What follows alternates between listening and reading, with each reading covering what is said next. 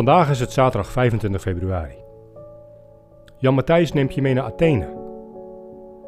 Heer, wat wilt u dat ik doe? Graag vertel ik het verhaal van dominee Jotis. Dominee Jotis was een trouw predikant van een middelgrote Presbyteriaanse gemeente in Athene. Hij stond zijn gemeenteleden bij, doopte, trouwde, begroef de doden en hielp de mensen om hun Heer te volgen. Maar, zo vertelt hij zelf, protestantse christenen bij ons zijn van nature naar binnen gekeerd.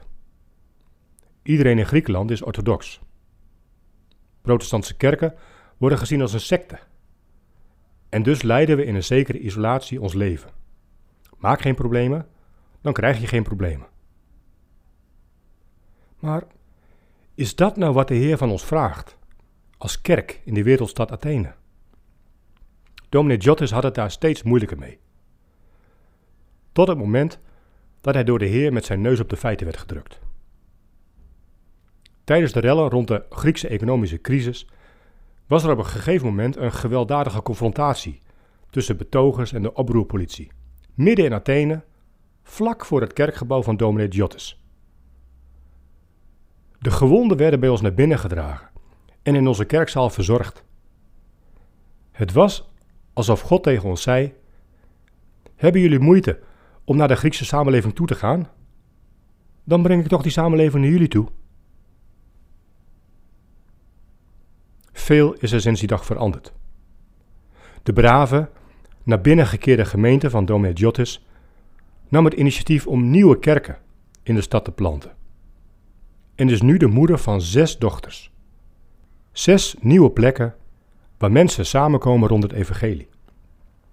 Sommige van die plekken zijn al gegroeid tot zelfstandige kerk en zijn zelf een nieuwe kerkplanting gestart. Het verhaal van dominee Jottes raakte me zo, omdat ik er zoveel van herken. Zijn kerk en traditie lijkt erg op die van mij. Hij werkt in hetzelfde Europa als wij waar de samenleving het wel gehad heeft met de kerk en christendom. En begrijp me goed, die kerkplantingen in Athene zijn klein en kwetsbaar. Het is geen indrukwekkend groot verhaal. Maar het is wel een verhaal over verandering. Verandering die begint met een zoekende houding. Heer, wat wilt u dat ik doe? De nieuwe kerkplantingen kwamen er niet van de ene op de andere dag. Dominee Jottes heeft jaren nodig gehad van gebed, van nadenken, van luisteren. Mijn bezoek aan Athene heb ik ervaren als een enorme bemoediging. Ook in ons deel van de wereld is de Heer Jezus aan het werk. Daarom vertel ik dit verhaal ook graag door. De grootste les die ik eruit trek is dat verandering begint met een verlangen. Met een open houding naar God.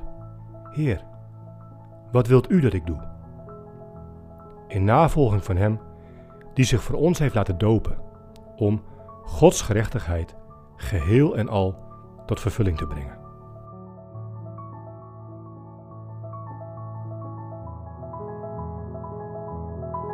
Leuk dat je luistert naar 40 dagen hier en nu de podcast die je wil helpen om Jezus te volgen in jouw hier en nu.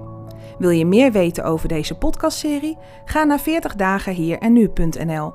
Voor de Bijbelteksten in deze podcast gebruiken we de MBV 21 van het Nederlands-Vlaams Bijbelgenootschap.